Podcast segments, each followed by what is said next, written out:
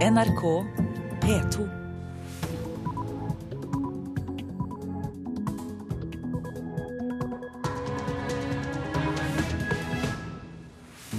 Klokka den er 6.30 onsdag 20. november, og her er Nyhetsmorgen med Øystein Heggen i studio. Regjeringen kutter ut gratis tannhelsesjekk til eldre. Det syns jeg er veldig smålig, eh, og det er et eklatant løftebrudd fra Fremskrittspartiet. Den reaksjonen kom fra SV-leder Audun Lysbakken. Forbrukerombudet får 1000 klager i året på telefonsalg. Mange av de som klager, har allerede reservert seg. Konflikten i Syria har ført til at 2,7 millioner av barna i landet ikke går på skole. Dersom Magnus Carlsen blir verdensmester i sjakk, har ikke teamet hans noe imot å spille neste års VM-kamp i New York. Eldre over 75 år mister tilbudet om gratis tannhelsesjekk fra neste år. Ordningen ble innført i sommer, men regjeringen vil ikke bruke penger på dette neste år. 14 000 personer har hittil benyttet seg av muligheten. Ole Jørgen Nyhagen er blant dem som har vært til sin årlige tannhelsesjekk i Oslo. Og da jeg kom tidlig i høst, så kunne tannlegen fortelle meg at i år så skulle jeg slippe å betale. Fordi jeg var over 75 år og var født i 1936. Og det var jo gledelig. Han mener dette er et viktig tilbud til de eldre. En sånn en, uh, rutineundersøkelse som det jeg gjennomgikk, det, det koster langt oppimot 1000 kroner. Og, og det er for uh, pensjonister som ikke har så god pensjon som jeg har, så vil det være et, et tungt løft. Og når de får, i tillegg er litt uh, redde for å gå til tannlegen, så, så, så er det lett å la det være. Ordningen med gratis tannhelsesjekk annethvert år ble innført av de rød-grønne fra juli i år. Men de 80 millionene det ville koste neste år, er altså kuttet av de blå. Smålig, mener SV-leder Audun Lysbakken. Jeg syns det gikk altfor lang tid før den rød-grønne regjeringen kom i gang med tannhelsereformen. Det som var spesielt, var at vi hele tiden ble kritisert fra Fremskrittspartiet for ikke å gå lenger. Og så er altså det første de gjør når de kommer i regjering, å kutte den gratis tannhelsekontrollen som faktisk finnes. Det syns jeg er en bokstavelig talt tannløs politikk og lureri overfor de eldre. Nei, det er jeg ikke enig i. Sier Fremskrittspartiets Morten Wold, som sitter i helse- og omsorgskomiteen på Stortinget. Dette dreier seg om en ordning som kun har virket i kort tid. Og her er det snakk om en undersøkelse og ikke behandling. Det den nye regjeringen har gjort, er at man har omprioritert og styrket tannhelsen med 80 millioner kroner for andre pasientgrupper med større behov. Høyres statssekretær Lisbeth Nordmann i Helse- og omsorgsdepartementet viser til statistikk som sier at det bare er 3% av de eldre over 67 år som ikke har vært hos tannlegen det siste året. Og Da har vi valgt å omprioritere nå til at de som har de største plagene, både som trenger tenner fordi de ikke har det, som har munntørrhet pga. f.eks. kreftsykdom, eller også har en sykelig angst for å gå til tannlege, nå får en mulighet for å uh, få kommet til uh, tannlege på lik linje med befolkningen ellers. Men Ole Jørgen Nyhagen er langt fra fornøyd. Eh, en har jo hørt om, om omsorgen for eldre. At det har vært et forsømt kapittel av de, av de rød-grønne. Og noe av det første de gjør, det er altså å, ta vekk et beskjedent tilbud, vil jeg si. Så jeg syns det, det, det, er smått. Ole Jørgen Nyhagen til slutt der, og reportere var Katrin Hellesnes og Halvard Norum. Tiril Willumsen, god morgen til deg. Takk. Du er tannlege og professor ved Odontologisk fakultet på Universitetet i Oslo, og jobbet mye med eldre og tannhelse. Og Hva syns du om at regjeringen ikke viderefører gratis tannhelsesjekk for eldre? Altså Jeg syns det er uheldig, fordi at vi vet jo det at i den pasientgruppen, den aldersgruppen over 75 år, så er det et veldig stort behov for å jobbe forebyggende. Å kunne forebygge det som kan skje senere. Og Derfor så er jevnlig tannhelsekontroller viktig. Hvert annet år er en begynnelse på noe som er viktig for, for den. Vi vet at den pasientgruppen trenger jevnlig tilsyn, og de trenger god informasjon og tilrettelagt eh, forebyggende behandling. Og vi vet jo at tannsettet er jo mer slitt når man blir eldre. Og det trenger mer vedlikehold, og man er mer utsatt for at uh, karisangrep og tannsykdom kan gå fortere enn tidligere i livet. Så jeg syns det er uheldig. Men nå rekker jo ikke pengene til alt, kanskje. Vi hørte jo en representant for eh, regjeringspartiet Fremskrittspartiet, Morten Wold, si her at det er andre grupper som kan trenge det mer. F.eks. da kan man jo tenke seg ressurssvake mennesker, personer med angst for å gå til tannlege, som ble nevnt her, munntørrhet. Men Det blir jo å sette svake grupper opp mot hverandre, og det vil jeg ikke begi meg inn på. For jeg mener jo generelt sett at uh, det norske samfunnet uh, kunne bruke mer ressurser på tannhelse. Ja, hvorfor uh, spesielt mer til tannhelse? Fordi at tannhelsen vår er viktig, og vi lever lenger, vi har flere tenner lenger. Og det er, blir viktigere for oss for å bevare et verdig liv og beholde tennene våre, våre sosialt og funksjonelt. Du nevnte dette med at eh, tennene blir jo nedslitt når man blir eldre, som én grunn til at denne sjekken eh, og denne gratissjekken kan være god å ha. Men er det andre ting som spesielt eldre sliter med, som eh, gjør at de burde gå jevnlig til tannlege? Ja, altså etter hvert som man blir eldre, så vet man jo at selv om mange er veldig friske, så begynner man ofte å bruke medisiner. Og når man bruker flere medisiner og man er eldre, så blir man mer utsatt for endringer i spyttproduksjon som gjør at man blir mer utsatt for å få, for å få karies. Samtidig, så i og med at tannsettet er slitt, så, så, trekker det seg litt tilbake, så man får flere roteoverflater frem i munnhulen, som gjør mindre motstandsdyktige enn emaljen er. Har dere noen opplysninger om hva pris har å si for eldre når de vurderer om de skal gå til tannlege eller ikke? Altså det, nå sier de jo her at veldig mange eldre går. Men vi vet jo det at, eh, at, økonomi er en faktor som gjør at også mange velger bort å gå til tannlege. Og det er jo klart at pasientgruppen over 75 år, som han sa i innslaget, så er det jo ikke alle som har like god økonomi. Og det er jo viktig at alle, uansett økonomi, skal ha muligheten til å kunne bevare tennene sine. Mange takk skal du ha for at du kom til Nyhetsmorgen, Tiril Willumsen, som altså er tannlege og professor ved Det ontologiske fakultet på Universitetet i Oslo. Forbrukerombudet får 1000 klager i året på telefonsalg. Mange av disse har allerede reservert seg mot telefonsalg i Brønnøysundregistrene. Fagleder for telefonsalg i Forbrukerombudet, Sverre McSeveny i Årli, sier selskapene finner på nye metoder for å få tak i nummeret til forbrukere. Vi ser enkelte problemer med at eh, aktører eh, har konkurranse på internett, der man må, man må eh, gi personopplysningene sine, og så brukes de senere til å, å ringe opp eh, forbrukerne. Det kan gjerne være en konkurranse om å vinne en iPad f.eks., men det man gjør samtidig, er jo da å, å, å gi en aksept eller eh, godta på en eller annen måte at eh, disse telefonselgerne da ringer deg opp igjen. Mer om telefonsalg etter klokka sju her i Nyhetsmorgen. En nordmann som er siktet for bombetrusler mot Trondheim lufthavn Værnes 16.9, ble i går pågrepet av tysk politi i Berlin. Det skriver Dagbladet. Politiet mener 36-åringen i forrige uke rettet nye bombetrusler mot en rekke offentlige institusjoner i Norge.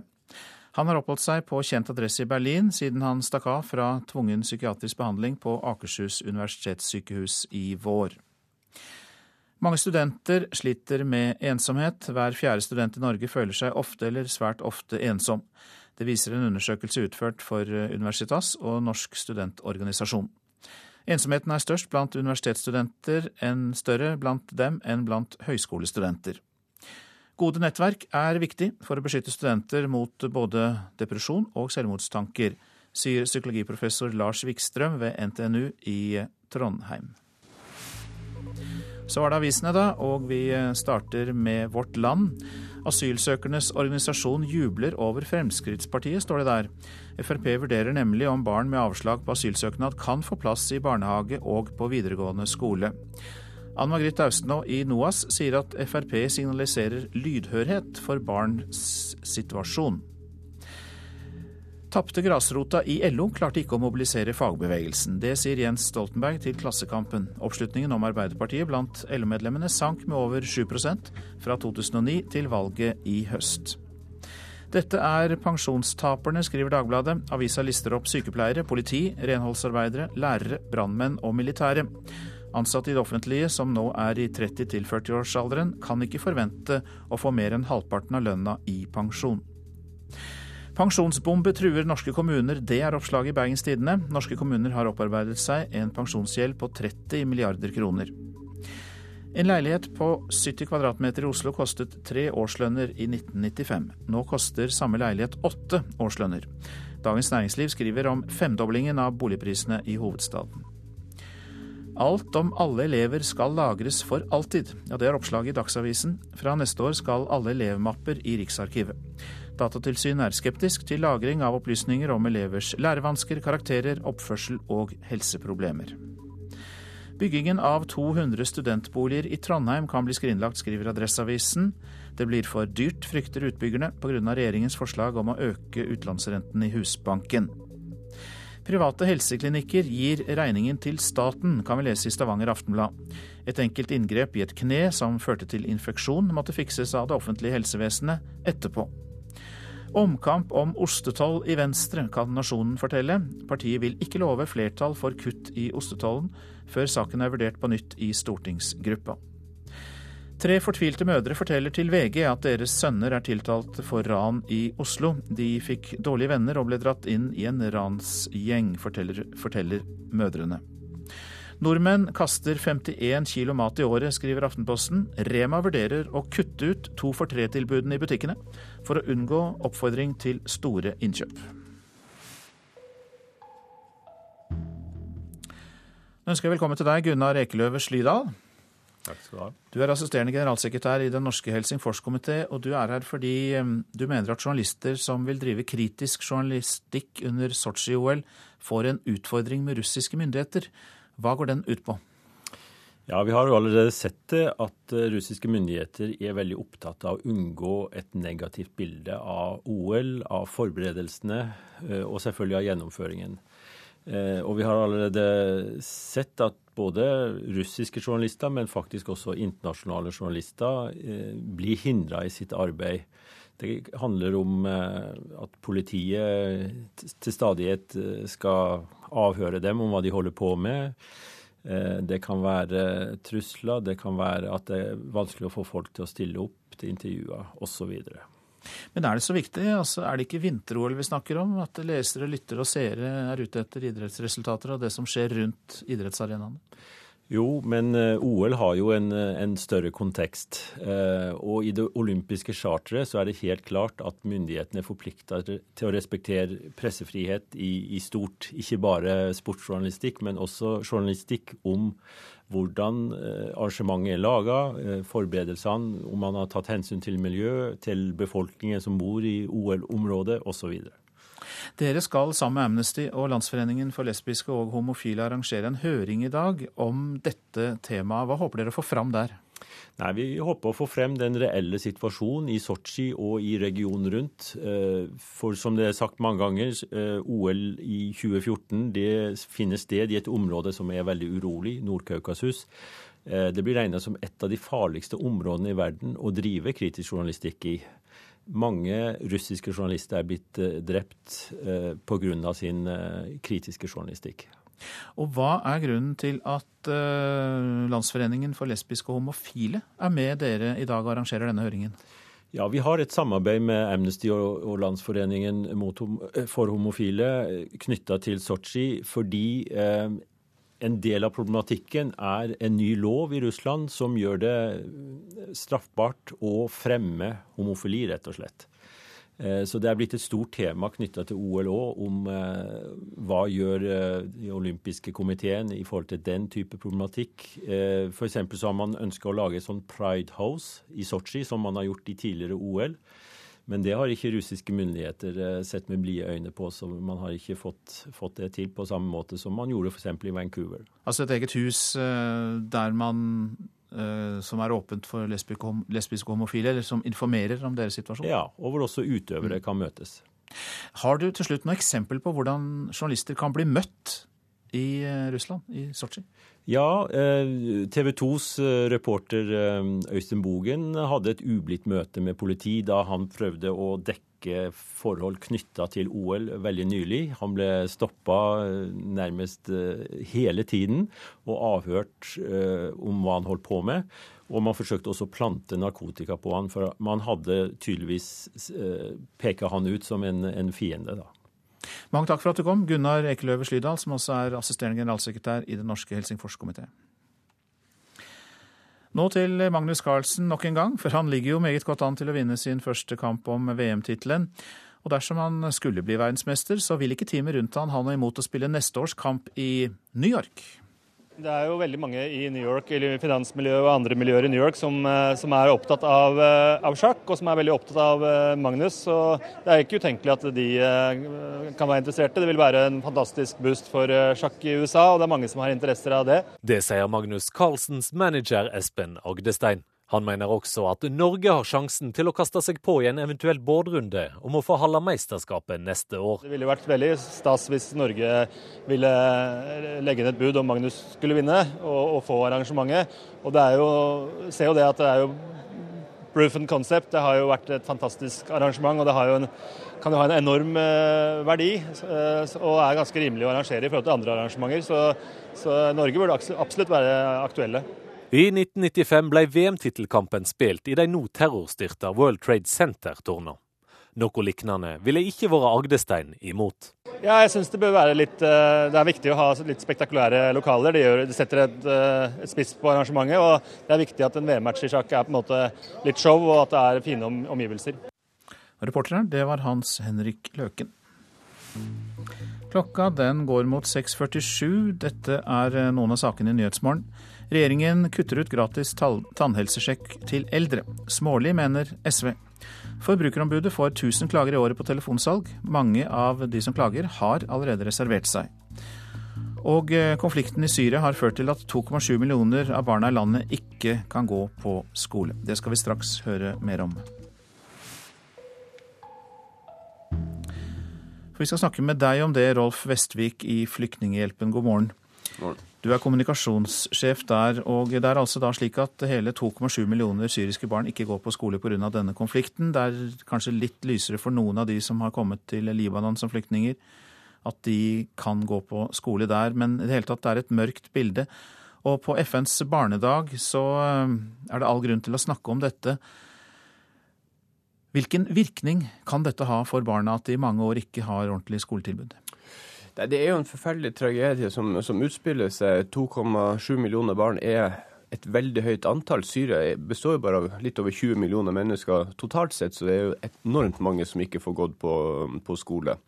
Og det å ikke få gå på skole rammer jo på forskjellig vis. Det akutte eh, det er jo at i en konfliktsituasjon så blir barn mer sårbare eh, for å bli utsatt for overgrep, eh, tvangsrekruttering til militære styrker, barnearbeid osv. Og, og i et litt mer langsiktig perspektiv, når man mister så mye utdanning, så blir ofte den fattigdommen man kanskje kommer fra, blir mer sementert, og man får rett og slett problemer med å få en, en utvikling og komme seg ut av fattigdommen. Har, har dere i Flyktninghjelpen eh, noen erfaringer med hvordan barn kan klare å ta igjen det tapte? Ja, det, det, er selvfølgelig alltid, eh, alltid, mulig. Men det viktigste det er jo å gjøre perioden du står utafor uh, skolegangen så kort som, som, mulig. I selve krigssituasjonen inne i Syria er det selvfølgelig vanskelig å få, uh, å få, gjort så mye. Men derfor er det desto viktigere at man satser mye på å få gitt flyktningbarna, altså de som har kommet seg ut av de mest farlige områdene, en god utdanningstilbud. Og det betyr å støtte nabolandene, som jo har tatt imot veldig mange barn. Hva gjør dere med det? Vi jobber jo øh, sammen med myndighetene i uh, nabolandene til, til, uh, til uh, Syria. og de trenger forskjellige former for støtte. For det første trenger de jo en økonomisk støtte. For Libanon har jo tatt imot over 300 000 barn fra, fra, fra, Syria. Og det er klart at deres skoleverk er jo totalt sprengt. så de trenger økonomisk støtte, men man trenger også praktisk hjelp til å få etterutdanna lærere som må formulere lærere inn i skolen. Man må utvide skolebygg. Eh, man må i visse tilfeller tilpasse eh, skolegangen på en ny måte når man får så mange flyktningbarn inn i skolen. Dette er altså FNs barnedag. La oss bare helt til slutt eh, se verden under ett. Altså, Hvor mange barn er det som ikke får gått på skole pga. krig? Det er i verden i dag eh, ca. 57 millioner barn som ikke får gått på skole. Halvparten av disse skyldes uh, krig og konflikt. Altså Ca. Uh, 28 millioner barn får ikke skolegang i dag pga. krig og, eh, og, konflikt. Heldigvis er det sånn at noen av disse kan vi, kan vi nå eh, fordi de har flykta ut fra konfliktområder, og de kan få utdanning eh, mens de er på flukt. og Derfor er det viktig at eh, det arbeidet som FN og andre gjør for å gi utdanning, støttes. Mange takk skal du ha, Rolf Vestvik. Du er altså da kommunikasjonssjef i eh, Flyktninghjelpen. Cellulosefabrikken på Tofte i Buskerud er som kjent lagt ned. Nå får mye norsk tømmer en lengre reise. Noe av tømmeret med tog. Tømmertransporten fra Bø stasjon i Telemark har ligget brakk siden 2005, men nå har tømmertogene begynt å gå til Sverige igjen. Og andelslaget AT Skog i Agder og Telemark ønsker å utvide denne ordningen Det var litt tømmer der nå, da. Så det, nå driver de og det, vi skal, Jeg er ikke helt sikker. Vet du når det er neste tog? Leder i AT Skog, Olav Veum, inspiserer tømmerlegga på Bø jernbanestasjon. Tømmertransporten fra Bø har pågått i én måned, og Veum mener denne ordninga er viktig for skogbruket i Telemark. Det betyr veldig mye, og det er mye mer effektivt å samle opp et stort volum her.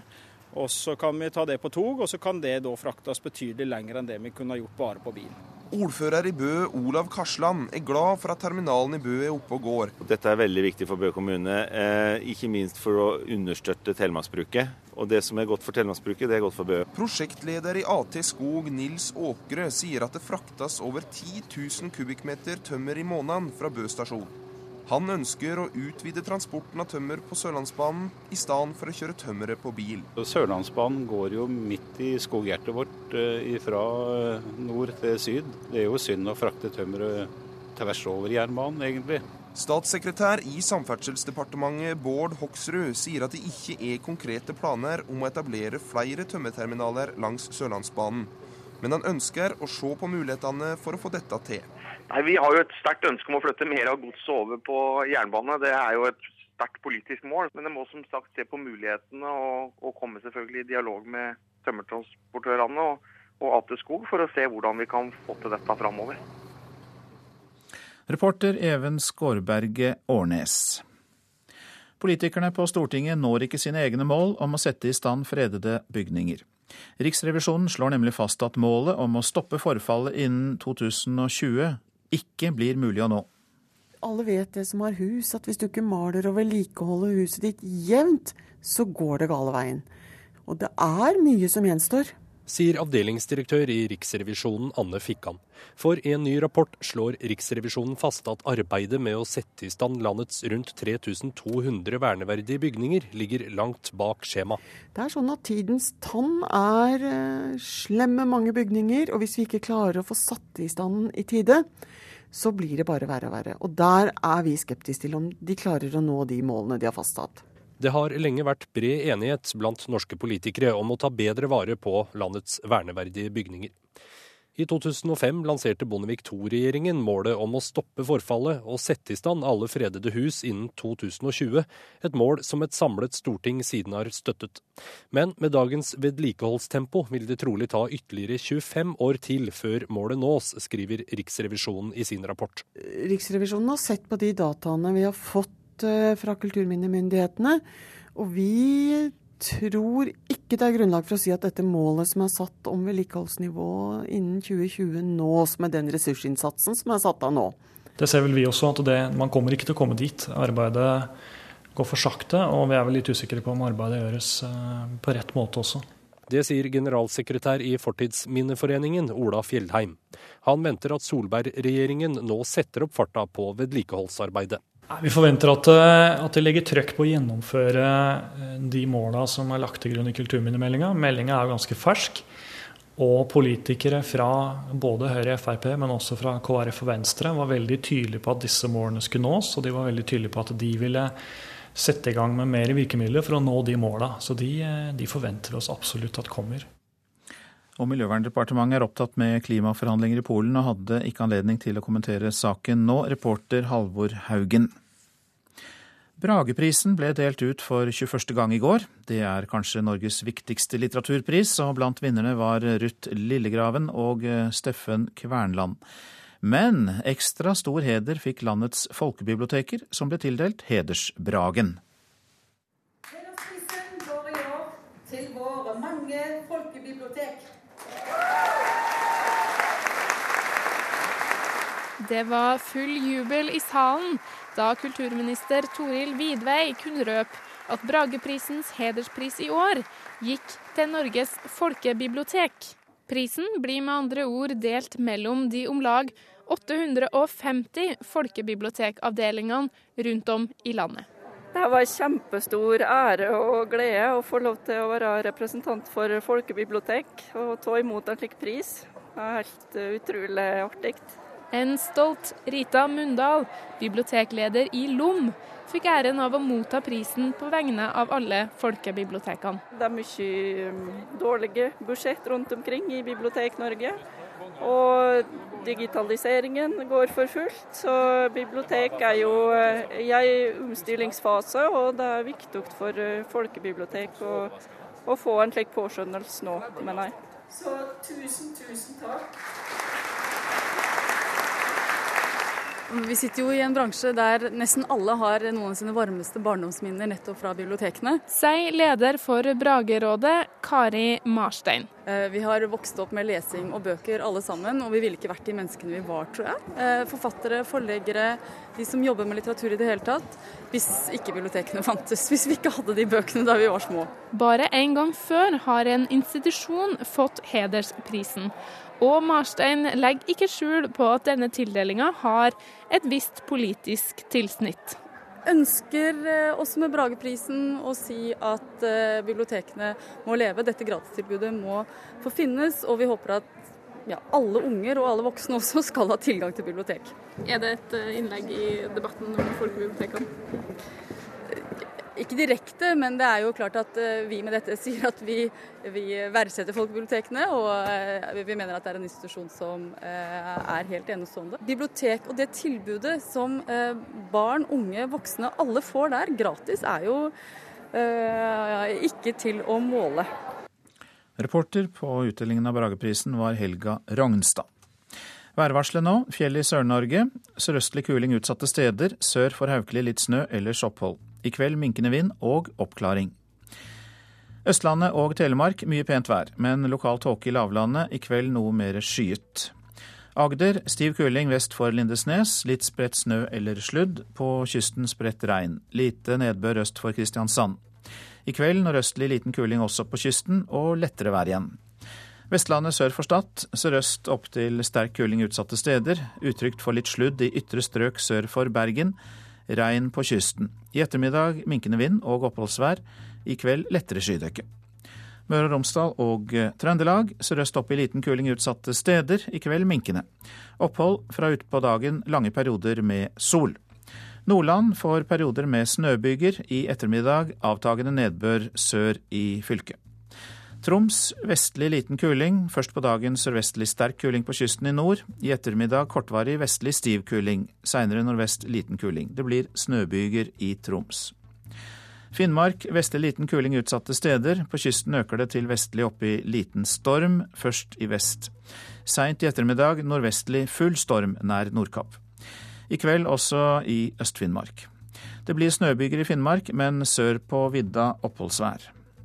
Nordensjøland på Spitsbergen enkelte snøbyger, seinere oppholdsvær.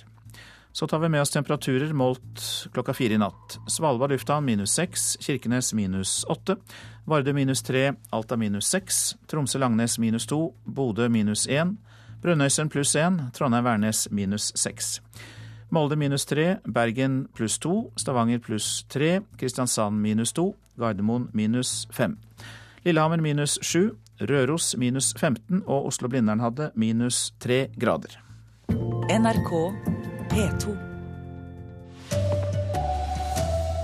Antall nordmenn med søvnproblemer har økt kraftig på ti år.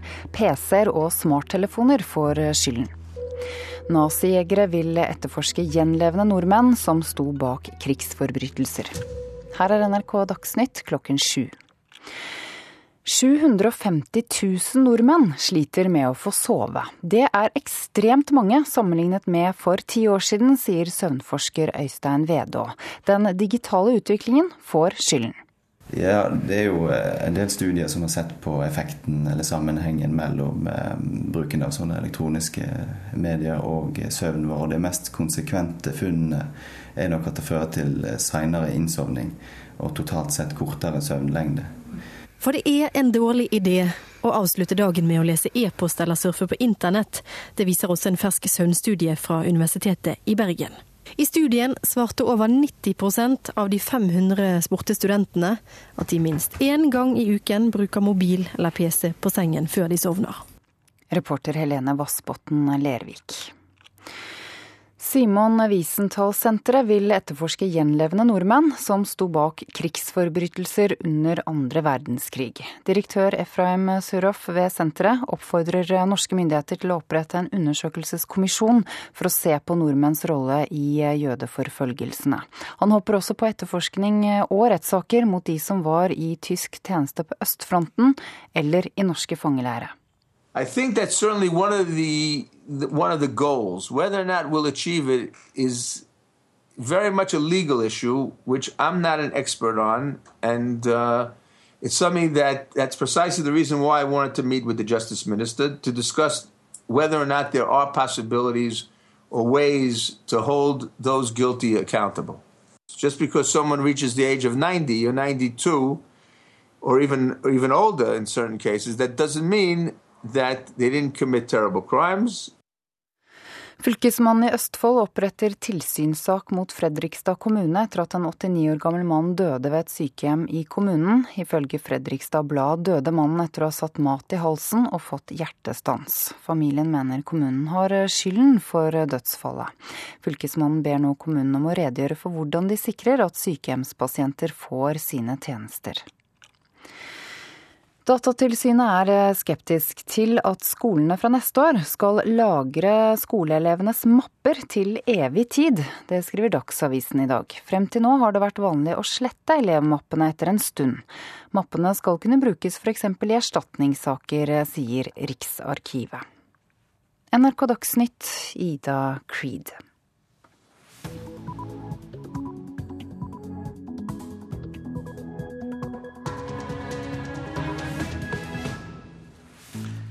Øystein Heggen tar deg med videre i Nyhetsmorgen, bl.a. med disse sakene. Å reservere seg mot telefonsalg hjelper ikke, 70% blir likevel oppringt. Erna Solberg møter i dag Angela Merkel i Berlin. I dag begynner nye runder i forhandlingene om Irans atomprogram. Reell mulighet for en avtale, sier Russlands president Vladimir Putin. Og fra 1.1 innføres elektroniske skattekort her i landet. Ja, tror du at det hjelper å reservere seg mot telefonsalg? Vel, 70% av de som har reservert seg, blir likevel oppringt. Det viser en fersk undersøkelse. Over halvparten av oss har eh, reservert seg. Eh, hvis du først ringer, så prøv å gjøre samtalen så kort som mulig. De er ikke interessert i de produktene de tilbyr med? Det er alltid sånn at de eh, ringer på den gale tiden, vet du. ikke sant? Sitter ved middagsbordet og sånn. Og da er det irritasjonsmoment. Siden 2009 har Forbrukerombudet fått inn rundt 1000 klager i året på telefonsalg. Det er mange av klagene skriver, eh, hvor, de, skriver at de blir ringt opp flere ganger om dagen eh, og gir beskjed om at de ikke ønsker å bli oppringt. Og så fortsetter det ukentlig og over et år. Så det er jo i mange av klagene har de skrevet at det oppleves som telefonterror. Det sier jurist hos Forbrukerombudet Anna Moxnes Stabel. To ansatte hos ombudet bruker store deler av arbeidstida si på å ta imot klager på nettopp telefonsalg. Det er mulig å reservere seg i Brønnøysundregisteret, men fagleder for telefonsalg hos Forbrukerombudet, Sverre McSeveny Aarli, sier bedriftene stadig finner nye veier. Det er over to millioner som er reservert i reservasjonsregisteret i Brønnøysund. Eh, og det gjør at det er færre igjen å ringe, og enkelte aktører tar snarveier. Eh, så mange blir oppringt til tross for reservasjon. Som for eksempel? Vi ser enkelte problemer med at eh, aktører eh, har konkurranse på internett. Der må man, man må gi personopplysningene sine, og så brukes de senere til å, å ringe opp forbrukerne. Det kan gjerne være en konkurranse om å vinne en iPad f.eks. I rapporten fra Statens institutt for forbruksforskning kommer det frem at bare 3% av dem som opplever å bli oppringt, sjøl om de har reservert seg, faktisk klager til Forbrukerombudet.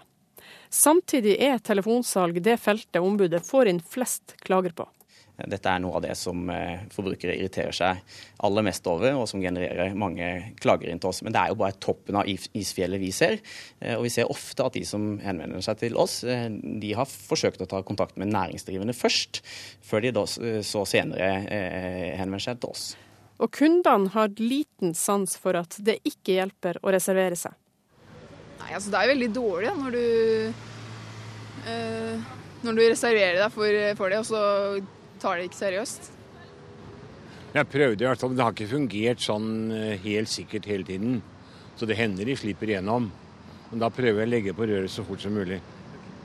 Er det, er det selgere du har et kundeforhold til fra før, eller helt ukjente? På ingen måte. Nei, nei, nei. Absolutt ikke. Reportere her, det var Eva Marie Bulai og Anders Rikstad. God morgen, Hanne Gulbrandsen. God morgen. Du er daglig leder i Norma, bransjeorganisasjonen som representerer flere av de største telemarketingaktørene. Og ja, telefonterror oppleves telefonsalg som av enkelte kunder, som vi hørte her. Hvilket ord vil du bruke på det dine medlemsbedrifter gjør? Eh, det jeg, ordet jeg vil bruke, er jo vanlig salg og som regel kundepleie. Men medlemsbedrifter er jo eh, pålagt å sjekke kundelistene sine hver måned mot eh, disse reservasjonslistene. Skjer det når vi nå hører at eh, så mange blir ringt opp selv om de har reservert seg? Det skjer, og de har strenge rutiner om å sjekke listene sine. I tillegg så er det ofte et ansvar pålagt på oppdragsgiver dersom de ringer på deres kundelister, at listen skal være vasket. Men hvorfor blir da sju av ti som allerede har reservert seg, oppringt igjen av eh, telefonselgere? I dag så er eh, mest eh, av denne type telefonvirksomhet konsentrert rundt kundepleie. Så det siste spørsmålet i den saken er kanskje det mest relevante her. Og det er hva er et kundeforhold? Det er nok ikke så stor forståelse for og kunnskap om hva et kundeforhold er. Det er eh, f.eks. både helt lovlig og veldig vanlig at eh, avisen din eh, ringer deg, selv om du har reservert reservasjonsregisteret, for å prøve å informere deg om andre produkter som de har. Så har du vært borti et produkt eller en bedrift, så har de lov til å ringe deg om igjen om igjen, om igjen, selv om du har reservert deg? Så lenge du kun har reservert deg i det sentrale reservasjonsregisteret, og ikke eksplisitt sagt til den virksomheten som ringer deg at jeg ikke ønsker å få tilbud om andre produkter, eh, så har de lov til det. Men bør man ikke også ha det slik at uh, dette ville kunne komme inn under ordningen? Er du ikke enig i det at man bare kan reservere seg, og så er det bang slutt, man får ikke noe telefon? Eh, Norma er ikke enig i det, og jeg tror kanskje ikke forbrukerne er enig i det også. For det I tillegg til type mersalg, så er det en viktig del kundepleie her. Eh, kunden får informasjon om nye produkter, bedre produkter. Eh, kanskje avisen din har et bedre abonnementstilbud til deg, eller at strømleverandøren din har gjort noen endringer som er en fordel for deg som forbruker. Så hvis man tenker på at de fleste telefoner har kundepleie, så tror jeg ikke at det burde inn under ordningen. Forbrukerombudet sier at dere også snor dere rundt loven, f.eks. ved at, oppgir, at folk må oppgi personopplysninger når dere deltar i konkurranser. Er det tilfellet? Eh, snor oss rundt loven syns jeg var et veldig sterkt uttrykk. Eh, eh, det er jo sånn at man ønsker å få nye kunder og ønsker å få navn på personer man kan sende markedsføring til. Det er helt riktig. Og da bruker man konkurranser? Konkurranser er noe noen aktører bruker, ikke så veldig mange. Men det som er ekstremt viktig da, er jo at det fremkommer klart i informasjonen og i betingelsene for konkurransen, er at du gir opp disse opplysningene, eh, og at da kan du bli kontaktet av eh, navngitte aktører eh, i etterkant. Hanne Gulbrandsen, takk skal du ha. Du er daglig leder i Norma, som altså representerer flere av disse telemarketingaktørene. Nå til Simon Wiesenthal-senteret, som vil at gjenlevende nordmenn som sto bak krigsforbrytelser mot jøder under andre verdenskrig, skal bli etterforsket og rettsforfulgt.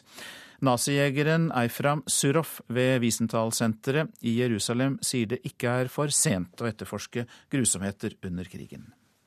No, definitely not.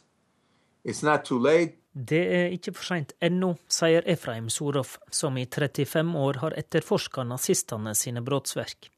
Men snart er det for seint. En vesentlig ting har endra seg, mener Surov. Barn og unge, kvinnfolk. Den 91 år gamle tidligere SS-soldaten Olav Tuff fortalte nylig i NRK Brennpunkt om hva han var med på i Ukraina under krigen. Om at de renska landsbyer for jøder. Om drap på sivile kvinner og barn og unge. At noen innrømmer dette offentlig her i landet, endrer vilkåra, sier Surov. Som også peker på at NRK-journalist og forfatter Eirik Veums bøker om nordmenn i tysk tjeneste gir ny og annerledes dokumentasjon av krigsbrottsverk.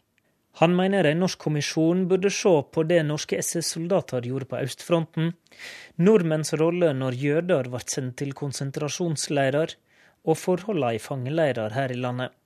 Well, it would first of all uh, tell the truth. Let's start with that.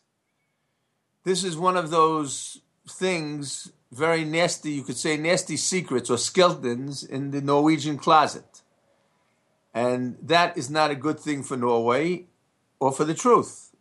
So I think it's very important that the truth be fully investigated, that the information come out and be made public. Efraim Sorov starter derfor arbeidet med Norge og ber om et møte med justisministeren. Han har to mål. Han vil ha en norsk undersøkingskommisjon som får sanninga om norske krigsbrottsverk på bordet. Det andre målet er ambisiøst. Ei lovendring som gjør at en kan stille folk for retten for 70 år gamle krigsbrottsverk. I think that's certainly one of the one of the goals. It's something that that's precisely the reason why I wanted to meet with the justice minister to discuss whether or not there are possibilities or ways to hold those guilty accountable. Noen er fortsatt i live. Hvor mange er vanskelig å vite. Men han mener ikke at en bør ha sympati med 90-åringer som gjorde grusomme ting under krigen. Just because someone reaches the age of 90 or 92, or even, or even older in certain cases, that doesn't mean that they didn't commit terrible crimes. If they are physically and mentally healthy, then there's no reason to ignore them just because they've reached the age of 90 or, or so, or an old age. Og Justisdepartementet sier de gjerne vil møte Wiesenthal-senteret for å høre hva de har å si om denne saken. Reporter var Håvard Grønli. Klokka den passerte nettopp 7.13. Dette er noen av sakene i Nyhetsmorgen. Antall nordmenn med søvnproblemer har økt kraftig på ti år. Bruk av PC-er og smarttelefoner får skylda. Regjeringen kutter ut gratis tannhelsesjekk til eldre. Smålig, mener SV. Frp svarer at tannhelsen samlet sett får mer penger. Og Forbrukerombudet får 1000 klager i året på telefonsalg. Mange av dem har allerede reservert seg. I dag begynner nye runder i forhandlingene om Irans atomprogram. Russlands president Vladimir Putin sier det er en reell mulighet for en avtale. Fransk motstand førte til at forrige runde brøt sammen. Iransk diplomati har innledet en sjarmoffensiv foran de nye forhandlingene, rapporterer Midtøsten-korrespondent Sigurd Falkenberg Mikkelsen. Scenen er satt. Irans utenriksminister Jawad Zarif vandrer rolig, men målrettet i et av Teherans gamle palass. Store lysekroner henger over ham, og duse persiske tepper i blått, hvitt og lilla ligger i gangene. Zarif har et budskap til verden, og han bruker YouTube til å spre det på. What is dignity? What is respect? Are they negotiable? Is there a price tag? Hva er verdighet? Hva er respekt? Kan det forhandles om? Finnes det en prislapp, spør han retorisk, og ber oss om å forestille oss å bli fortalt at vi ikke kan gjøre det samme som alle andre. Ville du gitt deg, eller holdt stand? Spørsmålene er langt fra uskyldige, og det er heller ikke timingen for denne ganske oppsiktsvekkende øvelsen i offentlig diplomati. I dag begynner nemlig forhandlingene om landets atomprogram igjen i Genéve, og Iran vil ha en avtale. For Iran handler dette om atomenergi, ikke atomvåpen, er Zarifs budskap. For us Iranians, nuclear energy is not about joining a club or threatening others. Nuclear energy is about a leap, a jump For oss handler ikke kjernekraft om å bli medlemmer av en klubb eller å true andre. Det er et sprang mot å kunne bestemme vår egen skjebne, sier han. Men ikke alle hører på det øret. Frankrike er et av landene som har hatt den hardeste linjen på Iran-spørsmålet, uavhengig av hvem som har vært president. I Paris mistenkes det åpenbart at dette dreier seg om noe mer enn et prosjekt som kun har fredelige formål, og som skal sikre Irans oppvoksende generasjoner. Frankrike satt bremsene på under sist forhandlingsrunde, og president Francois Hollande var tidligere denne uka i Israel og talte foran landets nasjonalforsamling Knesset. C'est maintenant à l'Iran de répondre. Pas par des simples mots, pas par de vagues promesses, non, par des mesures concrètes et vérifiables. Det er nå opp til Iran å svare, ikke bare med enkle ord, ikke med vage løfter. Nei, vi vil ha konkrete tiltak som kan etterprøves. Vi vil opprettholde sanksjonene dersom vi ikke er sikre på at Iran går bort fra sitt atomprogram. For godt, sa Hollande. Og de israelske folkevalgte klappet naturlig nok høyt. Ingen andre land har vært mer kritiske til forhandlingene enn nettopp Israel, og de har lagt det de kunne av press på USA for å hindre en avtale, uten å lykkes så langt. For både president Barack Obama og utenriksminister John Kerry tror dette er en gyllen mulighet til å få bevegelse i en av de lengst pågående og potensielt farligste konfliktene i Midtøsten. Et av de springende punktene i forhandlingene har vært Irans arbeid med en tungtvannsreaktor i nærheten av byen Arak. Så får vi se om det blir en ny konfrontasjon, eller om det kan oppstå søt musikk når partene møtes senere i dag i Genéve. Sigurd Falkenberg Mikkelsen, som altså er Midtøsten-korrespondent. Erna Solberg møter i dag Angela Merkel i Berlin. Reisen til Tyskland er Solbergs første utenlandstur som statsminister. Når Erna Solberg i dag tropper opp i kansleramt i Berlin, er det for å møte kvinnen som flere ganger er blitt kåret til verdens mektigste. Jens Stoltenberg la sin første utenlandstur som norsk regjeringssjef til Berlin, og hans etterfølger velger altså nå å gjøre det samme. Merkel og Stoltenberg gjøv løs på vervene som regjeringssjefer omtrent samtidig i 2005. Duoen utviklet et godt samarbeid og det som ble beskrevet som et politisk vennskap.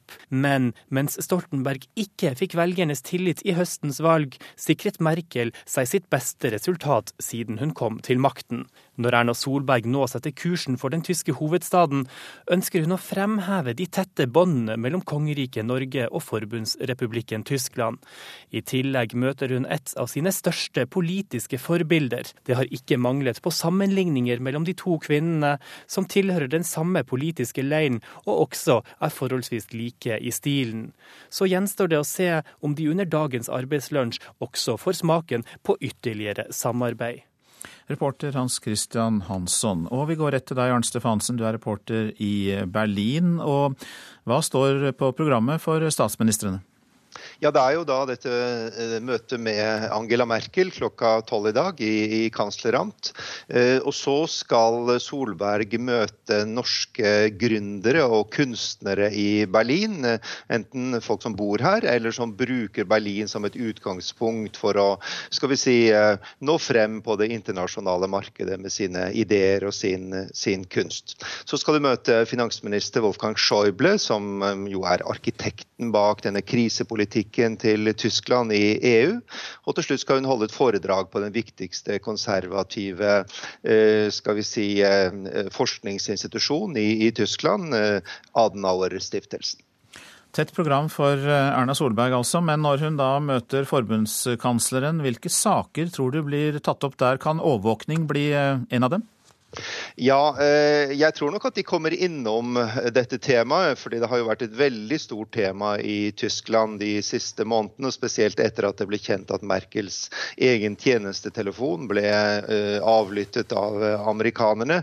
Eh, og jeg tror nok at spesielt fra norsk side vil være interessant å høre hvilke erfaringer tyskerne har gjort, og hvilke vurderinger de gjør seg. Men det viktigste med dette møtet er jo egentlig å etablere en personlig økonomisk og politisk kontakt med Europas viktigste land, og, og det landet som i størst grad kan gi Norge innflytelse i Europa og i EU, der vi ikke er medlem, som kjent.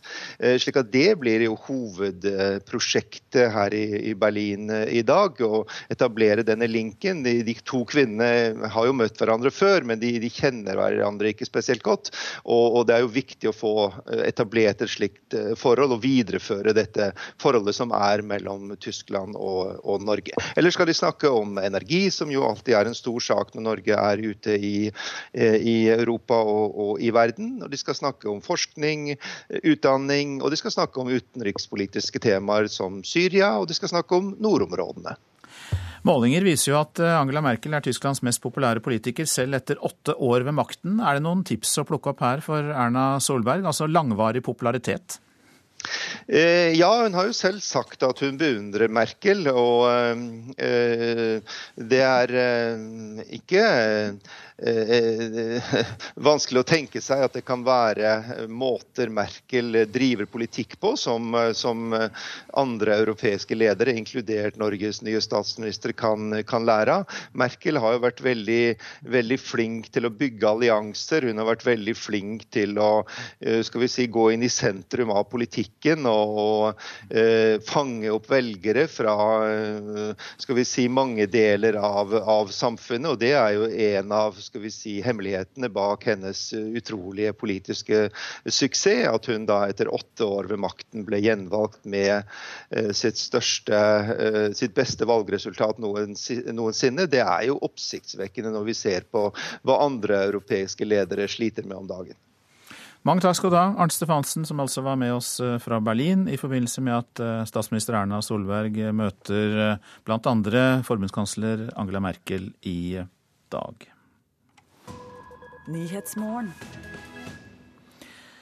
USAs økonomi er langt fra friskmeldt, sier sjefen for den amerikanske sentralbanken Ben Bernanke. Han vil at sentralbanken skal fortsette med massive støttekjøp av obligasjoner, som er et av mange stimuleringstiltak for økonomien. Minst én mann ble drept da opprørspoliti stormet Tahrir-plassen i Kairo tirsdag for å bryte opp en gruppe demonstranter, opplyser lokale myndigheter. Minst 16 personer ble såret i sammenstøtene. Amerikansk høyesterett har sagt nei til å avvise en strengere omstridt abortlov i Texas. Den nye loven inneholder strengere regler for gjennomføring av abort, og har ført til at flere klinikker har sluttet å utføre aborter. Organisasjonen for eh, forbud mot kjemiske våpen, OPCV, vurderer angivelig å ødelegge Syrias kjemiske stridsmidler til sjøs. Kilder opplyser til nyhetsbyrået Reuters at dette er et av alternativene, etter at både Norge og Albania har takket nei til dette oppdraget.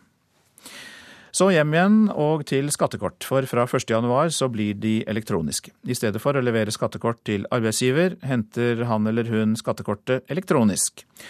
Og eh, avdelingsdirektør Lucy Aunan hos eh, Skatteetaten sier at den gamle ordningen var tungvint og har gått ut på dato. Det blir enklere for begge parter. For arbeidsgiverne så får de nå lasta ned eh, skattekortene elektronisk og slipper å registrere de inn. Og de får også endringer løpende gjennom hele året. For arbeidstaker så får man da en melding i posten, eller om du er e-bruker så får du den elektronisk, om hvilket grunnlag som, som denne skattetrekket er beregna på. Og de opplysningene må man da kontrollere at de fortsatt stemmer. Så legger vi til da at informasjonen på skattekortet er den samme som på dagens papirutgave. Så var det avisene, da. Vi starter med Vårt Land. Asylsøkernes organisasjon jubler over Fremskrittspartiet, kan vi lese der. Frp vurderer om barn med avslag på asylsøknad kan få plass i barnehage og på videregående skole. Ann Margrit Austenå i NOAS sier at Frp signaliserer lydhørhet overfor barnas situasjon. Tapte grasrota i LO klarte ikke å mobilisere fagbevegelsen. Det sier Jens Stoltenberg til Klassekampen. Oppslutningen om Arbeiderpartiet blant LO-medlemmene sank med over 7% fra 2009 til valget i høst. Dette er pensjonstaperne, skriver Dagbladet. Avisa lister opp sykepleiere, politi, renholdsarbeidere, lærere, brannmenn og militære. Ansatte i det offentlige, som nå er i 30- 40-årsalderen, kan ikke forvente å få mer enn halvparten av lønna i pensjon. Pensjonsbombe truer norske kommuner, det er oppslaget i Bergens Tidende. Norske kommuner har opparbeidet seg en pensjonsgjeld på 30 milliarder kroner. En leilighet på 70 kvadratmeter i Oslo kostet tre årslønner i 1995. Nå koster samme leilighet åtte årslønner. Dagens Næringsliv skriver om femdoblingen av boligpriser i hovedstaden. Alt om alle elever skal lagres for alltid, er oppslaget i Dagsavisen. Fra neste år skal alle elevmapper i Riksarkivet, og Datatilsynet er skeptisk til denne lagringen av opplysninger om elevers lærevansker, karakterer, oppførsel og helseproblemer. Byggingen av 200 studentboliger i Trondheim kan bli skrinlagt, skriver Adresseavisen. Det blir for dyrt, frykter utbyggerne, pga. regjeringens forslag om å øke utlånsrenten i Husbanken. Private helseklinikker gir regningen til staten, kan vi lese i Stavanger Aftenblad. Avisa forteller om et enkelt inngrep i et kne som førte til infeksjon, og måtte fikses av det offentlige helsevesenet etterpå. Omkamp om ostetoll i Venstre, kan Nasjonen fortelle. Partiet vil ikke love flertall for kutt i ostetollen før saken er vurdert på nytt i stortingsgruppa. Tre fortvilte mødre forteller til VG at deres sønner er tiltalte for ran i Oslo. De fikk dårlige venner og ble dratt inn i ransgjenger, forteller mødrene. Nordmenn kaster 51 kilo mat i året, skriver Aftenposten. Rema vurderer nå å kutte ut to for tre-tilbudene i butikkene, for å unngå oppfordring til store innkjøp.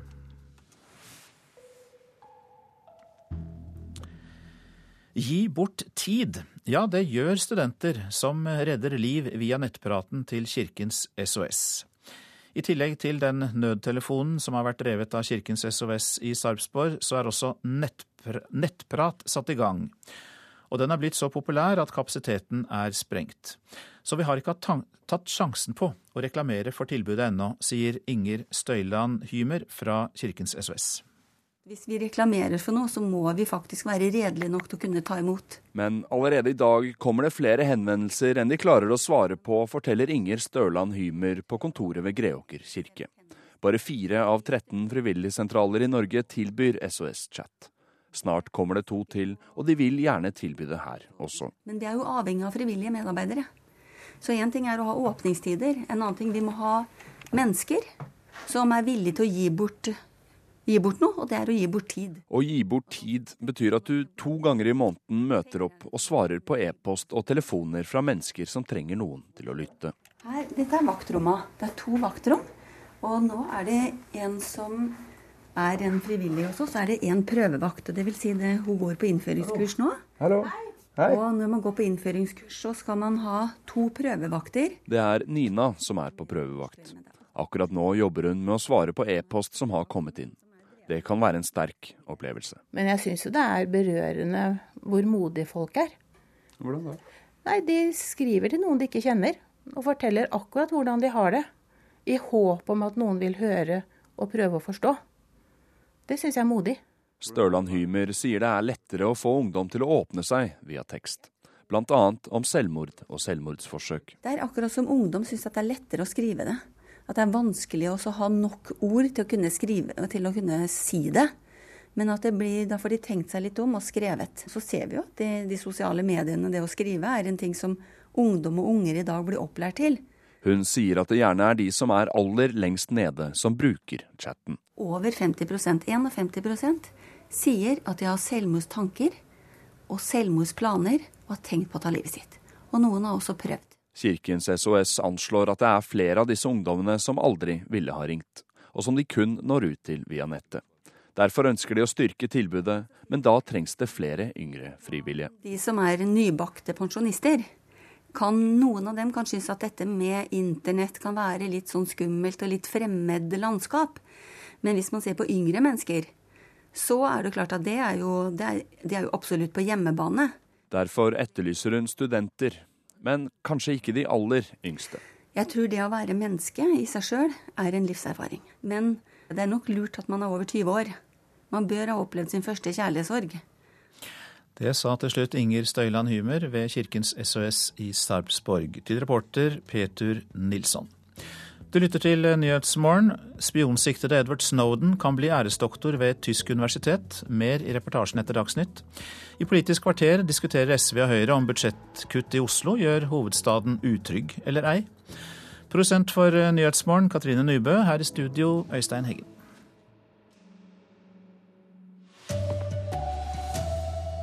Regjeringen kutter tilbudet om gratis tannhelsesjekk til eldre. Det er uheldig, sier professor. 70% av de som har reservert seg mot telefonsalg, blir likevel oppringt. Internasjonal nazijeger vil etterforske gjenlevende norske krigsforbrytere. Her er NRK Dagsnytt klokken 7.30.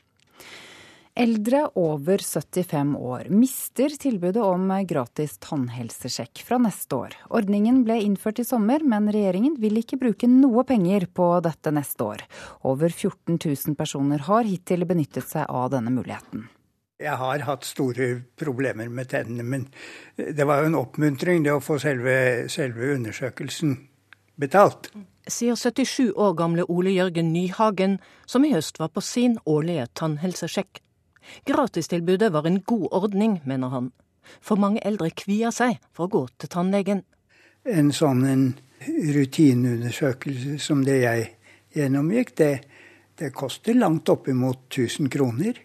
Og, og det er for pensjonister som ikke har så god pensjon som jeg har, så vil det være et, et tungt løft. Men nå kutter altså de blå tilbudet i neste års budsjett. Smålig, mener SV-leder Audun Lysbakken.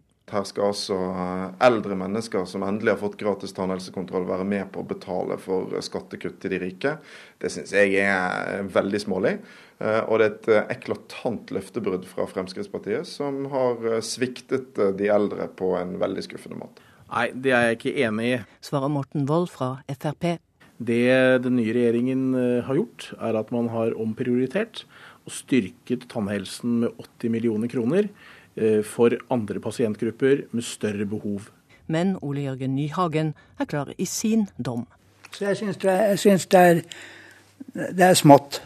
Reporter her var Katrin Hellesnes. Gratis tannhelsesjekk er et viktig tiltak for de eldres tannhelse, og det er uheldig at tilbudet kuttes, sier professor ved odontologisk fakultet ved Universitetet i Oslo, Tiril Willumsen.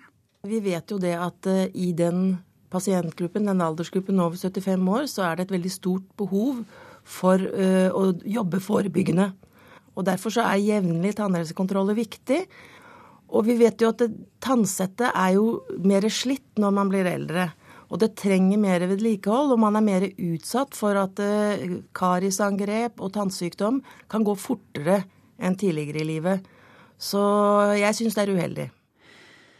Selv om du har reservert deg mot telefonsalg, er risikoen høy for at du likevel blir oppringt. I en undersøkelse fra Statens institutt for forbruksforskning svarer 70% av de som allerede har reservert seg, at de blir oppringt av selgere. Tjukke mapper fulle av klager fra irriterte folk. Forbrukerombudet får årlig rundt 1000 klager på telefonsalg, og mange av dem her har allerede reservert seg. Det sier fagleder for telefonsalg hos Forbrukerombudet Sverre McSeveny Aarild. Det er over to millioner som er reservert i reservasjonsregisteret i Brønnøysund. Eh, og det gjør at det er færre igjen å ringe, og enkelte aktører tar snarveier. Eh, så mange blir oppringt til tross for reservasjon. Nei, vi ønsker ikke å ta snarveier. Men i den grad det oppleves at vi gjør det, så vil vi jo se på det og eh, ta det på alvor.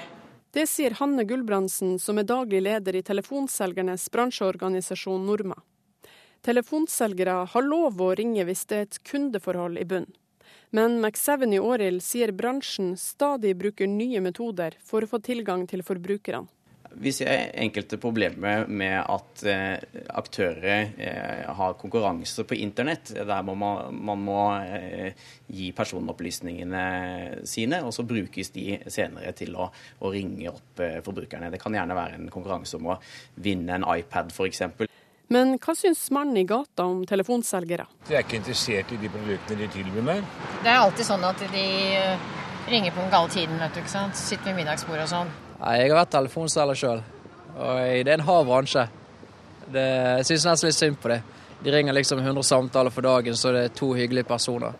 Reportere Eva Marie Bulai og Anders Rikstad. Simon Wiesenthal-senteret vil at gjenlevende nordmenn som sto bak krigsforbrytelser mot jøder under andre verdenskrig, blir etterforsket og rettsforfulgt. Nazijegeren Efraim Suroff ved Wiesenthal-senteret i Jerusalem sier det ikke er for sent å etterforske grusomheter under krigen. No, Definitely not.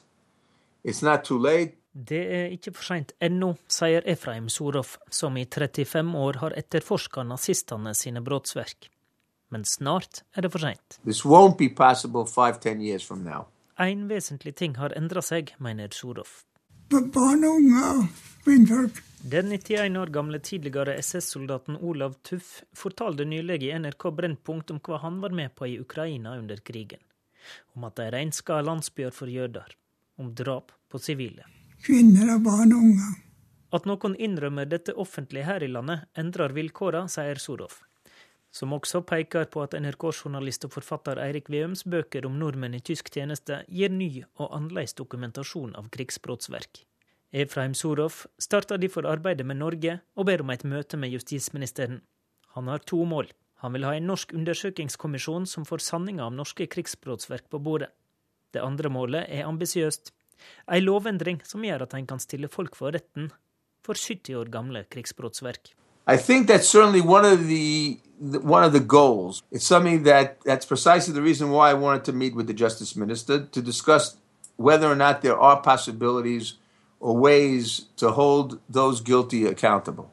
Just because someone reaches the age of 90 or 92 or even or even older in certain cases, that doesn't mean that they didn't commit terrible crimes Justisdepartementet sier de gjerne møter Wiesenthal-senteret for å høre hva de har å si. Reporter var Håvard Grønli.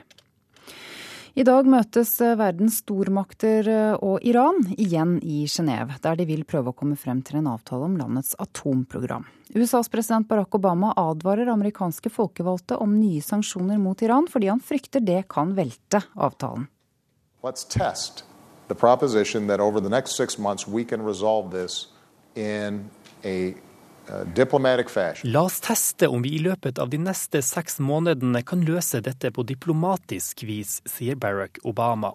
Amerikanernes president ber nå skeptiske folkevalgte om ikke å foreslå nye Iran-sanksjoner. I dag møtes verdens stormakter og Iran igjen i Genéve i et forsøk på å meisle ut en foreløpig avtale om landets omstridte atomprogram. Lykkes det ikke å komme til enighet med Iran, advarer Det hvite hus om at landet vil fortsette anrikingen av uran. Uh, som amerikansk president vil jeg ikke la noen muligheter være uprøvd for å hindre dem i å skaffe seg atomvåpen, sier Obama.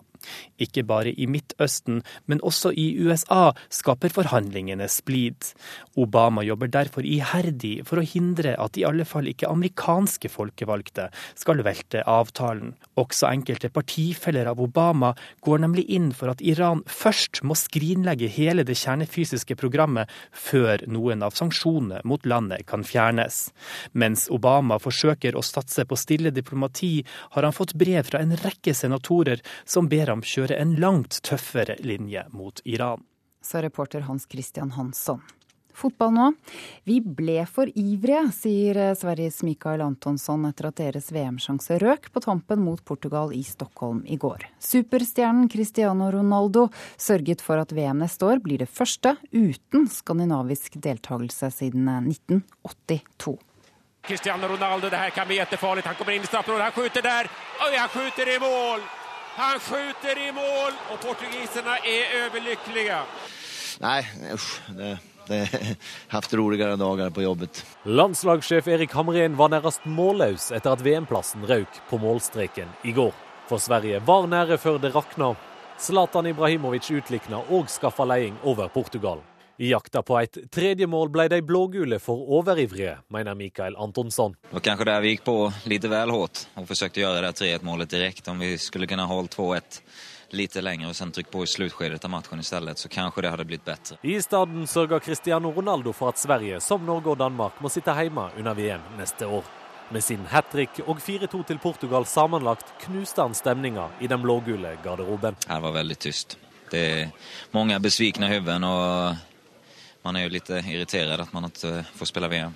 Ja, det sa Mikael Antonsson til Sveriges Radio. Reporter var Hans Henrik Løken. Ansvarlig for Dagsnytt-sendingene denne morgenen er Sven Gullvåg. Teknisk ansvarlig er Hanne Lunås. Jeg heter Ida Creed. Dette er Nyhetsmorgen.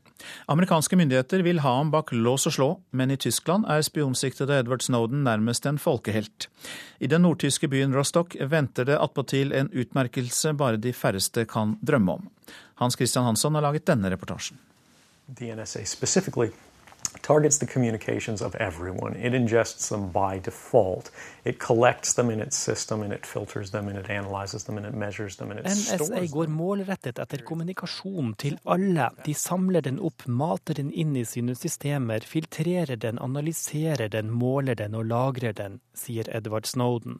Dette intervjuet ble gjort i juni, omtrent samtidig som den 30 år gamle IT-teknikeren begynte å lekke informasjon fra innsiden av den amerikanske etterretningshøyborgen NSA, National Security Agency.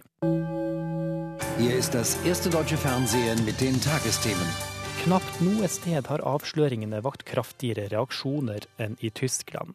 Snowden-lekkasjene har vært blant hovedsakene i utallige nyhetssendinger og avisartikler helt siden juni. Schwerer Verdacht. Wurde Merkels Handy von der NSA abgehört? For ble selv Angela Merkels mobiltelefon avlyttet, har amerikanerne hatt en egen overvåkningsbase i ambassaden i Berlin, vegg i vegg med Brandenburger Tor. Forbundskansler Merkel legger ikke skjul på at forholdet til USA er satt på en hard prøve. Die Vorwürfe sind gravierend. Sie müssen aufgeklärt werden und wichtiger noch, Anklagene er graverende, de må oppklares, og enda viktigere, for fremtiden må tilliten gjenopprettes, sa Merkel under en debatt i forbundsdagen tidligere denne uken. I Tyskland har Edward Snowden nærmest fått en slags heltestatus. Hjemme i USA, der han er siktet for spionasje og ettersøkt, er situasjonen en annen. Inntil videre oppholder han seg i Russland, hvor han har fått innvilget midlertidig asyl. Skulle riktignok russerne ikke ville vite av ham lenger, snakker imidlertid stadig flere tyskere varmt om å la ham komme dit. Og ikke nok med det. Ved Nord-Europas eldste universitet, i Rostock, kan han snart få en utmerkelse som bare er de færreste forunt. Her kan Snowden nemlig bli æresdoktor. Ja, at die Akt ist. Und als Institution Tildelingen av et æresdoktorat er en symbolsk handling. Universitetet har valgt å gå til dette skrittet for å gjøre oppmerksom på denne utrolige skandalen, sier Gesa Mackenton, professor i amerikastudier og prodekan for forskning, i et intervju med NRK. auf eine sehr selbstlose Art, also ohne selbst irgendeinen Vorteil davon zu haben, sich in große Gefahr gebracht hat. Er hat sein ganzes Leben praktisch aufgegeben. Snowden har opptrådt uselvisk, han har satt sitt eget liv i fare for å gi verdens befolkning viktig informasjon, sier professoren. Han har gjort demokratiet en tjeneste, for i et demokrati må det være plass til sivil ulydighet, heter det fra Rostock. Er macht sich ja praktisch zum Anwalt äh, der Weltbevölkerung. Also alle Snowden har gjort seg selv til äh, advokat for verdens befolkning, poengterer Mackenton. Den spionsiktede amerikaneren kjemper nemlig for grunnleggende rettigheter, rettigheter som særlig tyskerne vet å sette pris på, legger hun til. Äh, Tyskland har gjennomlevd to diktaturer i det 20. århundre, sier professor Mackenton. Det hemmelige overvåkningsapparatet som fantes, har utløst mye menneskelig lidelse. Tyskerne er derfor svært på vakt når de merker at privatlivet deres blir truet. Også i Tyskland kommer det stadig flere avsløringer om hvordan amerikansk etterretning kan synes å ha tatt seg til rette. Hier ist das erste deutsche Fernsehen mit den Tagesthemen. Og lite tyder på at det blir stilt med det første, for Snowden og apparatet rundt ham har varslet at de har mer på lager. Dette er hovedsaker i Nyhetsmorgen. Regjeringen kutter ut gratis tannhelsesjekk til eldre. Smålig, mener SV. Frp svarer at tannhelsen samlet sett får mer penger. Forbrukerombudet får 1000 klager i året på telefonsalg. Mange som blir oppringt har allerede reservert seg. Og Simon Wiesenthal-senteret vil etterforske gjenlevende nordmenn som sto bak krigsforbrytelser. Og da er det klart for Politisk kvarter, og det handler bl.a. om arbeidslivet. Alf Hartgen. Det gjør det, for er det sterke fagforeninger og stivbeinte arbeidstidsregler som gjør at det må to ansatte til for å fylle én stilling i helsesektoren? Det skal vi diskutere i Politisk kvarter. Og så hevder SV at Høyre gjør byen utrygg ved å kutte i budsjettposter som kan forebygge kriminalitet.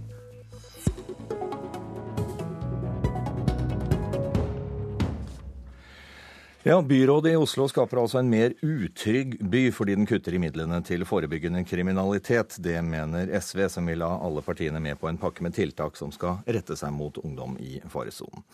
Bystyrerepresentant for SV, Marianne Borgen. Eh, det kan jo synes litt lettvint da, hvis dere kobler eh, for neste år opp til den ransbølgen som nå foregår, men, eh, og som alle er bekymret over. Men, men, hvorfor mener du at dette budsjettet som nå er i ferd med å landes, gjør byen mer utrygg?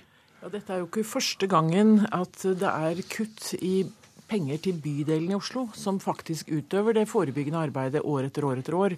Jeg snakker med folk ute i bydelene som er fortvilet over at de hvert år er nødt for å kutte i det man kaller for forebyggende barne- og ungdomstiltak. Eh, og så er det jo slik at Mange av de som politiet nå tar for ran i Oslo, det er ungdommer og barn som er født og oppvokst her i Norge og bodd i Oslo i hele sitt liv. Eh, og som vi ikke har greid å fange opp på et tidligere tidspunkt. Og jeg tror at det har sammenheng med at vi ikke er gode nok på å klare å fange opp barn og unge i risikosonen på et tidlig nok tidspunkt. Vi er ikke gode nok på samarbeidet for å hindre at de utvikler nye problemer og nye, nye altså atferdsproblemer. Sånn at jeg tenker at Det vi må gjøre nå, det er å ha minst to tanker i hodet samtidig. Vi er nødt for å forholde oss til den akutte situasjonen som er. Og da må Stian Berger Østland gjøre mye mer enn å snakke med politiet. Da må han også snakke med eh, både barne- og ungdomspsykiatrien, barnevernet, kriminalitetsforebyggende arbeid og ha møte med dem. Eh, og så må vi sette i gang en rekke eh, trygghetstiltak sånn med en gang. Men i tillegg så må vi ha et mye, mye sterkere fokus på forebyggende, mer langsiktig arbeid. Den oppfordringen gikk altså til deg, byrådsleder fra Høyre, Stian Berger eh, Røsland. Og du skal jo ha et møte med politiet i det såkalte Politirådet senere i dag. Men her må man ha flere tanker i hodet på en gang. Tar du den oppfordringen? Ja, jeg mener at vi har eh, nettopp lykkes med det i Oslo. Jeg tror vi har lykkes med det arbeidet Marianne Borgen snakker om mye bedre enn det mange tror, og det mange andre har lykkes med i andre byer. Det er jo sånn at I Oslo så faller barne- og ungdomskriminaliteten, helt i motsetning til hva man får inntrykk av når man hører Marianne. Altså Hvert eneste år siden vi begynte å systematisk falle dette, så er det jo sånn at vi får færre unge gjerningsmenn i Oslo. De står for en stadig lavere andel av kriminaliteten i Oslo, og de står også for færre handlinger. Så det systematiske forebyggende arbeidet i Oslo er en, e, egentlig en suksesshistorie.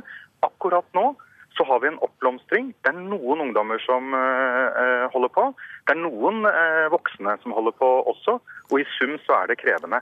Men det bildet Marianne forsøker å tegne av at uh, barne- og ungdomsarbeidet, det forebyggende arbeidet i Oslo er mislykket, er fullstendig feilaktig. Men... Det blir færre ungdomskriminelle i Oslo, og har blitt det hvert år siden 2006. Dette lykkes vi ganske godt med. Men Røsland, er det da tiden, gitt situasjonen med denne ransbølgen som nå foregår, er det riktig tidspunkt å kutte tiltak som kan virke kriminalitetsforebyggende? Altså, det er slik at uh, Oslos uh, bydeler, Oslos uh, økonomi, gjør at det blir stramme budsjettider. Men det er også slik at det har aldri på noe tidspunkt i Oslo bys historie vært en høyere aktivitet i bydelene i det forebyggende arbeidet enn det vi har nå. Fra i år til neste år så øker bydelenes budsjetter med litt over 1 milliard okay. kroner. Eh, og De fritidsklubbene og ungdomsaktivitetene som var der i forfjor, de var der i år, og de kommer til å være der til neste år. Det er et litt annet bilde. Det. Et lite øyeblikk, Røsland, så må Borgen få svare på. For dette er et helt annet bilde som byrådslederen tegner. Men utgangspunktet vårt er at vi er i en alvorlig situasjon hvor veldig mange mennesker nå i Oslo by er redde, og det har skjedd mange ran. Og politiet forteller at mange av de unge menneskene som blir tatt for, eh, for ran, er kjenninger av politiet, er folk som har, eh, har, hatt gjentatte kriminelle handlinger tidligere. Og da må vi jo se på det som et utgangspunkt, og si at da har vi ikke vært gode nok. Det Men betyr Marianne, ikke Vent, vent litt. Marianne, Nei, nå er det Utgangspunktet ditt for denne debatten kan ikke være at vi mislykkes når det blir færre ungdomskriminelle. Nå er det krevende, men overordnet sett så lykkes vi godt med dette i Oslo. Det- Og det må du også bygge din politikk på, sånn som jeg gjør. Det gjør vi. Og det er slik at Når vi foreslår en trygghetspakke her, så er det for å gjøre mer av det vi vet virker. Det er mye vi kan i Oslo. Det er mange dyktige fagfolk. Vi har vært flinke på det som vi kaller for Salto-samarbeidet, som er samarbeid mellom bydelen og politiet. Det er mange ting vi har oppnådd som er veldig, veldig bra. Men det betyr ikke at vi ikke kan bli bedre. Og det betyr ikke at ikke det nå er en bekymring i mange bydeler i forhold til at de har måttet kutte på utekontakter, oppsøkende virksomhet, ungdomsklubbarbeid. Vi har en dårlig helsestasjonstilbud i byen. Så det betyr ikke at vi ikke kan bli bedre. Vi, kan, for vi må jo ja. se på det som nå skjer ute i byen. Ja, stopp der, for Dette er ganske konkret, Røsland. Er dette, er dette tiltak som bør styrkes? Snarere enn å bygge Altså, i, I byrådets budsjettforslag for å være helt konkret, så foreslår byrådet eh, for bystyret at vi nettopp på eh, helsestasjonen uh, og helsearbeidet for ungdom trenger å, å jobbe mer. Det er også slik at Oslo har i dag, og har hatt gjennom mange år, en rekke fritidsklubber i alle bydeler. Hvert eneste år, og dette tror jeg Marianne kan bekrefte, så, så har Marianne og jeg og andre fra opposisjonen diskusjon om hvor mange fritidsklubber som kommer til å bli lagt ned, og hvor mange tiltak som blir avviklet. Men forholdet er hver gang når vi behandler eh, årsoppgjøret for året etter, så viser det seg altså at eh, aktiviteten ble større enn den eh, var. Vi kommer til å ha et stort og omfattende arbeid for forebygging av eh, barn og unges eh, mulighet til kriminalitet. Det har vi lykkes med utrolig godt i Oslo. Akkurat nå er det veldig krevende. Mm. Det skal vi håndtere helt, sammen med politiet. Og helt til slutt. Det bildet Marianne tegner, er galt. Men helt til slutt, eh, Røsland. Dette, denne diskusjonen kunne vi fortsatt eh, lenge. Men du skal altså ha et møte med politirådet i dag. Dette er altså samarbeidsorganet mellom Oslo kommunes ledelse og politiet. Hva har du tenkt å ha med deg inn dit, og hva skal du ha med deg ut? Jeg, det jeg er opptatt av nå, er at uh, i akkurat den konkrete krevende situasjonen vi er i nå, så er det viktig at kommunens og politiets ressurser finner hverandre best mulig. Oslo-politiet gjør en kjempejobb med å håndtere det ordensmessige siden av eh, dette, og de pågriper gjerningsmenn. Vi har et godt samarbeid om det kriminalforebyggende arbeidet, og nå må vi skru på noen eh, knapper, sånn at vi blir enda mer effektive akkurat eh, nå.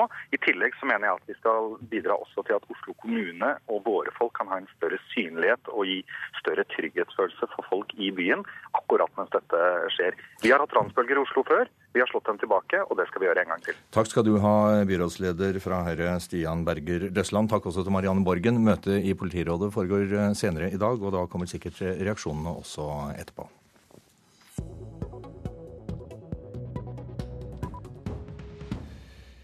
Nå skal det handle om eh, arbeidslivet, for mange av bemanningsproblemene i helsevesenet kan løses med mindre stivbeinte arbeidstidsregler. Det er konklusjonen i en ny rapport fra tenketanken Civita. Flere kunne fått heltidsjobb, helsevesenet hadde blitt langt mer effektivt hvis avtaleverket ble endret, blir det hevdet i rapporten. Marianne Mathilde unnskyld, Fasting, eh, du er prosjektleder i Civita, og du har utarbeidet denne rapporten. Hvordan begrunner du dette? Ja, først og fremst så vil jeg si at Vi har laget en rapport for eh, flere arbeidstidsavtaler i uh, offentlig sektor, hvorav ja, helse er en av dem. Det blir litt mye å ta både ja. lærerne og politiet også, så nå tar vi helsesektoren. Det skal vi gjøre. Og eh, jeg har startet med at jeg for et par år siden laget en rapport om deltid og, og omsorg, og hvordan det fungerte. Og det avstedkom at jeg kom ganske dypt inn i hvordan turnusordninger og arbeidstidsavtaler og hvordan det, det fungerer til daglig, og hva som ikke fungerer. Og... Så har jeg også eh, hatt en artikkel i Søkelys på arbeidslivet, som nettopp eh, er et sted hvor man diskuterer eh, arbeidstidsordninger og god organisering av arbeidstid, og fått konstruktive og gode tilbakemeldinger både fra Fafo og Fagforbundet, og flere som ser at her er det store utfordringer men, knyttet til hvordan det er organisert. Men hva er det disse arbeidstidsordningene fører til? Hvor, hvorfor er de et problem for effektiviteten? Det er to ting som er problemet. Det ene er hvordan arbeidet i helg løses, og det andre er hvordan hvordan arbeidet ved sykdom løses. Og Begge deler er avhengig av hvordan partene har avtalt eh, arbeidstidsordningene seg imellom, men også hvordan arbeidsmiljøloven over det hele legger noen begrensninger. Men det viser seg faktisk at en del av disse arbeidstidsordningene er fullt mulig å løse ved å bruke det rommet som arbeidsmiljøloven gir. Slik at eh, det er ingen fasit for at alle skal løse det på samme måte, men det fins rom, og det er ikke bruk, og det er noen steder som bør justeres. Og det er altså opp til partene i arbeidslivet. Du er eh, en av partene, nestleder i Sykepleierforbundet, Eli, nei, Solveig eh, Kopperstad Bratseth. Hvor mye av bemanningsproblemene i helsevesenet kan løses rett og slett ved å eh, endre reglene innenfor dagens lovverk? Vi mener helt klart at vi kan eh, løse de utfordringene innenfor lovverket sånn som det er. Og det er ganske fleksibelt også.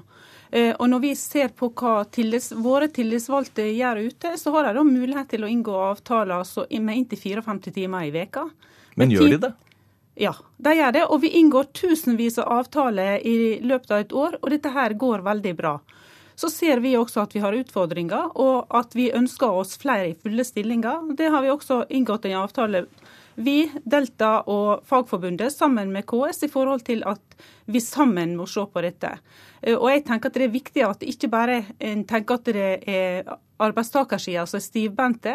Her er vi nødt til å jobbe med kulturendringer i forhold til at folk skal arbeidsgiverne skal utlyse fulle stillinger, og at arbeidstakerne skal søke fulle stillinger. Og Der de gjør det, ser vi også at eh, sykepleierne søker på disse stillingene. De er veldig attraktive sågar. Ja, Noe av problemet er for, for så vidt at uh, disse heltidsstillingene henger også sammen med hvordan du har løst uh, de såkalte ubekvemme vaktene. fordi at Når du har grunnbemanning og, og vil ha flere mennesker på, på, jobb, eller ha flere ressurser inn, så er det sånn at de mest vanlige vaktene å jobbe, og de som folk helst vil jobbe, de er selvfølgelig på, på ukedag og mellom på vanlig arbeidstid. Sånn at Her er det også et spørsmål om hvordan, hvis man har heltidsstillinger, som innebærer det at man også må i den heltidsstillingen ha noen deler av de vaktene som ikke er fullt fullt så populære. og Dermed så er det også vanskeligere å få folk til å søke heltidsstillinger. Så det er et ganske sammensatt problem. Mm. Er det det? Da vil jeg si at når en velger å utdanne seg som sykepleier, så vet en at en skal jobbe dag, kveld, natt, helg, helligdager, jula, påske, alle disse dagene. Og vi vet også, og er opptatt av, at det bemannes i forhold til de behovene som pasienten har. Så trenger pasienten sykepleiere på dag, kveld, natt, helg og helligdag, ja, så skal sykepleiere være på de vaktene. Eh, og det er en del av hele ordninga.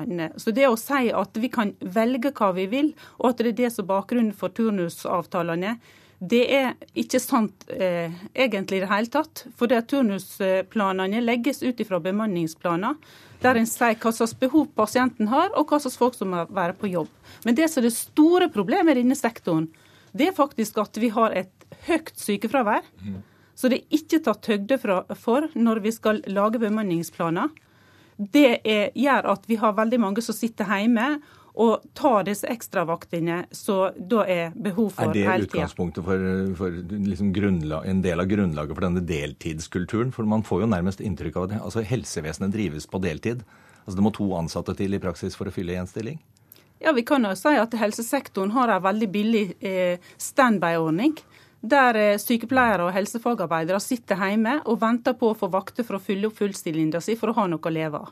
Det er derfor jeg mener også at de, de, hvis man skal få til et turnussystem som fungerer, hvor man også tar høyde for at det er sykdom, så må det turnussystemet ta hensyn til både helgefrekvensen i selve systemet, og det må ta hensyn til sykdom, og det kan gjøres gjennom f.eks. vikarpolordninger. Og det fins gode eksempler, og det har eh, sidemannen min her helt rett i, at eh, de eksemplene, der har de fått til fungerende turnusordninger som tar hensyn til disse tingene. Og det faktiske som har skjedd da, er at sykefraværet har gått ned. Og det er jo nesten et paradoks eh, når man da skulle tro at, eh, at det ville fortsette å være på samme sykefravær. Så er det ikke det når arbeidstidsordningene er gode. Men det er jo en grunn til at man har det avtaleverket man har. Altså Prisen for det du sier, mer eh, liberale regler om man vil, da, det vil jo da også medføre at folk må jobbe mer ubekvem arbeidstid. Ja, er, Da er vi inne på kompensasjonsspørsmålet og hvordan det kompenseres kompenseres. Jo, men, ja, det, eh, ikke, økonomien er nå den ene delen av det. Men folk må jo da være forberedt på å gjøre det. ja, altså Det som er den, den lange lange historien bak dette her, og som sikkert også Sykepleierforbundet er helt fullt klar over, det, det, dette har, har, sine røtter helt tilbake igjen i 1987.